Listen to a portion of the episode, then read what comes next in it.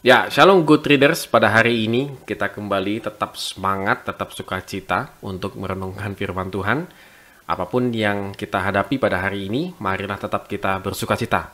Marilah kita tetap semangat begitu ya. Dan firman Tuhan pada hari ini kita renungkan dari 2 Raja-Raja pasal 2 ayat 19 sampai yang ke-22. Singkat firman Tuhan pada hari ini dan saya tetap berharap good readers untuk membaca dan merenungkannya. Ya, kalau kita perhatikan cerita tadi, ini ceritanya cukup menyedihkan sebenarnya ya kalau kita lihat agak sadis begitu ya. Yang pertama adalah penduduk kota yang didatangi oleh Elia dan mereka mengharapkan uh, Elisa untuk apa dibilang membuat air menjadi baik begitu karena ternyata airnya tidak baik dan sering terjadi keguguran bayi karena uh, air itu adalah salah satu sumber mata air daripada kota itu. Sehingga air itu menjadi ya paling utama lah untuk kebutuhan sehari-hari. Dan akhirnya Elisa uh, menolong kot, penduduk kota tersebut dan dia uh, melakukan satu keajaiban lah kita bilang, mujizat Tuhan luar biasa, yaitu airnya ini telah disehatkan oleh Tuhan. Jadi jelas sekali di ayat yang ke-21, beginilah firman Tuhan, telah kusehatkan air ini, maka tidak akan terjadi lagi olehnya kematian atau keguguran bayi. Jadi jelas sekali yang disampaikan oleh Elisa bahwa keajaiban terjadi ini karena Tuhan yang menyehatkan melalui nabinya Elisa.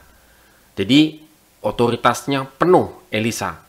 Jadi Tuhan memakai Elisa sebagai otoritas perpanjangan otoritasnya Tuhan, kuasanya Tuhan dan mujizatnya Tuhan. Nah, setelah itu terjadi sebaliknya Elisa pergi dari sana ke Bethel dan ketika dia sedang mendaki gunung, nah di sana dicemooh gitu ya. Anak-anak kota itu mencemooh.